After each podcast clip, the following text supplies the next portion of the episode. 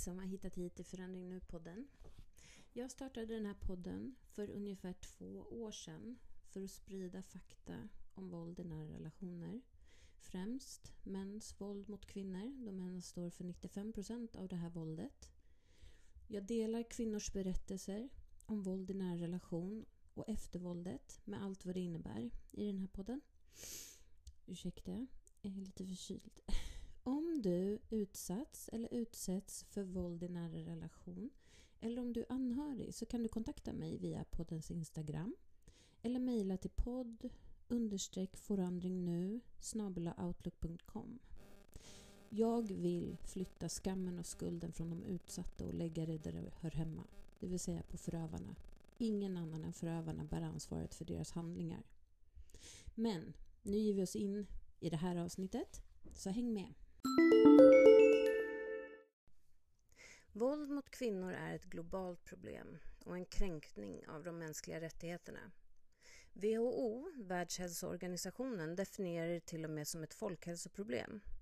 Det här våldet existerar i alla samhällen oavsett kultur, klass, religion och i FNs deklaration om avskaffandet av våld mot kvinnor från 1993 så definieras våld mot kvinnor som varje könsrelaterad våldshandling som resulterar i eller troligen kommer leda till fysisk, sexuell eller psykisk skada eller lidande för kvinnor samt hot om sådana handlingar, tvång eller godtyckligt frihetsberövande vare sig det sker i det offentliga eller det privata livet. Globalt så beräknas 35% av alla kvinnor ha blivit utsatta för fysiskt och eller sexuellt våld varav förövaren i majoriteten av fallen varit en nuvarande eller före detta pojkvän eller make. Allt det här vet vi ju. Och när det gäller mord på kvinnor så visar statistiken att 38 globalt sett är utförda av kvinnans nuvarande eller före detta manliga partner.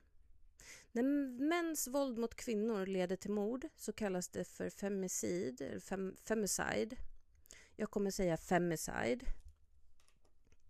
Enligt A Dictionary of Gender Studies så beskrivs femicide som det avsiktliga dödandet av en kvinna och som ett könsbaserat hatbrott. Femicide kan definieras som det dödliga våldet en kvinna blir utsatt för just för att hon är kvinna. Enligt Wien-deklarationen om femicide från 2012 så förklaras femicide som dödandet av kvinnor och flickor på grund av deras kön.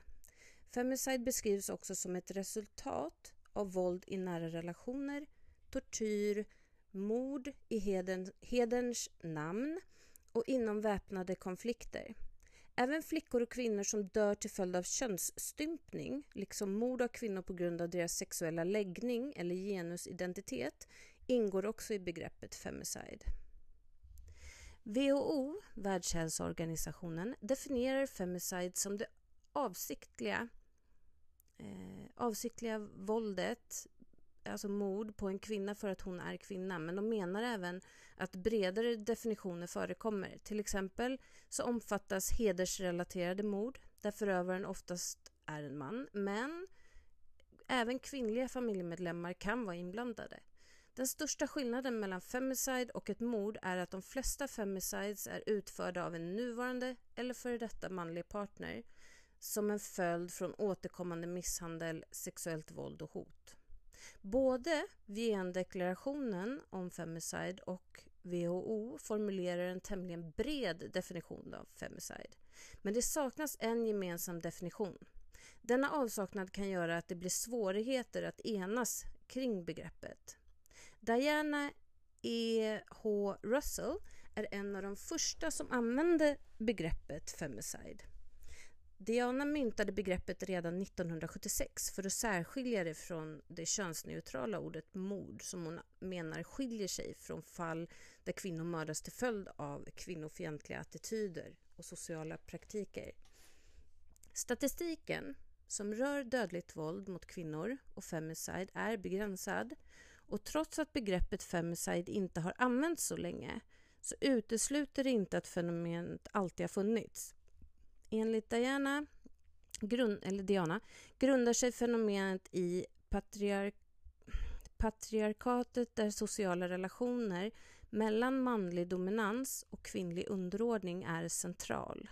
Män mördas i större utsträckning än kvinnor så det, men det är sällan de mördas just för att de är män. Kvinnor däremot mördas för att de är just det, kvinnor. Varför är att betrakta som ett kvinnofientligt dödligt våld. Kvinnor som lever i heterosexuella relationer har högre risk att utsättas för våld och femicide jämfört med kvinnor som lever i homosexuella relationer. De kvinnor som försöker lämna sin partner är ännu mer utsatta. Det här vet vi ju. Framförallt om partnern är eller tidigare varit våldsam mot kvinnan. Det är den farligaste tiden.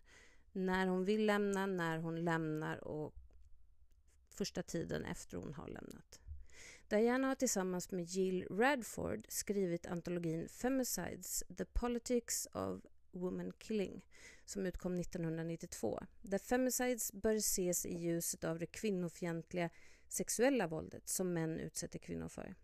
Patriarkala maktstrukturer där kvinnan är underordnad den dominerade mannen bidrar till sociala konstruktioner om mas maskulinitet som aktiv och aggressiv medan feminitet ses som passiv och mottaglig. Patriarkalt förtryck kan ta form i både ekonomisk och juridisk diskriminering men det grundar sig i våld. Media kan påverka både positivt och negativt. Å ena sidan så kan de bidra till att lyfta fram problemet kring femicides och bringa kunskap kring vilka preventiva åtgärder man kan ta och, och, vad som kan hjälpa och minska det här våldet mot kvinnor. Men å andra sidan så kan media också bidra till den allmänna uppfattningen om femicide som ett personligt och privat problem istället för socialt.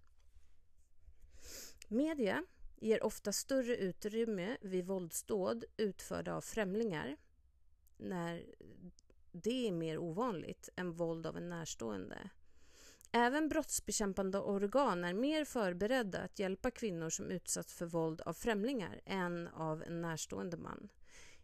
Enligt samma patriarkala ordning så råds kvinnor att inte gå ensamma under kvällar och nätter och att mannen skulle vara kvinnans beskyddare.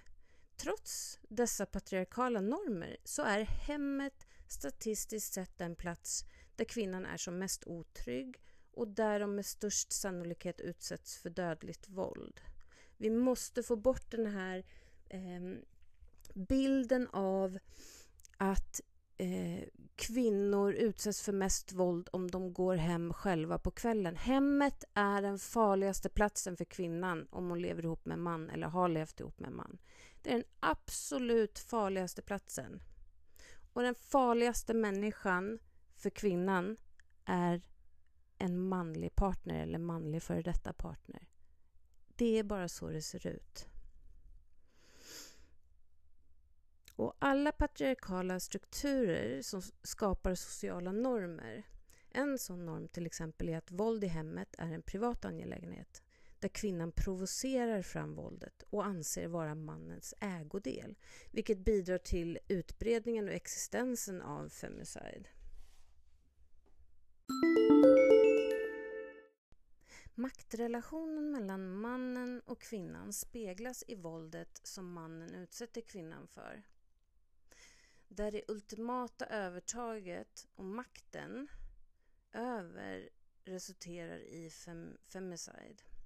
Paradoxen infaller då kvinnan då mannen vill utöva sin ultimata makt över kvinnan och faktiskt dödar henne. Samtidigt som han behöver kvinnan vid liv för att fortsätta utöva sin ultimata makt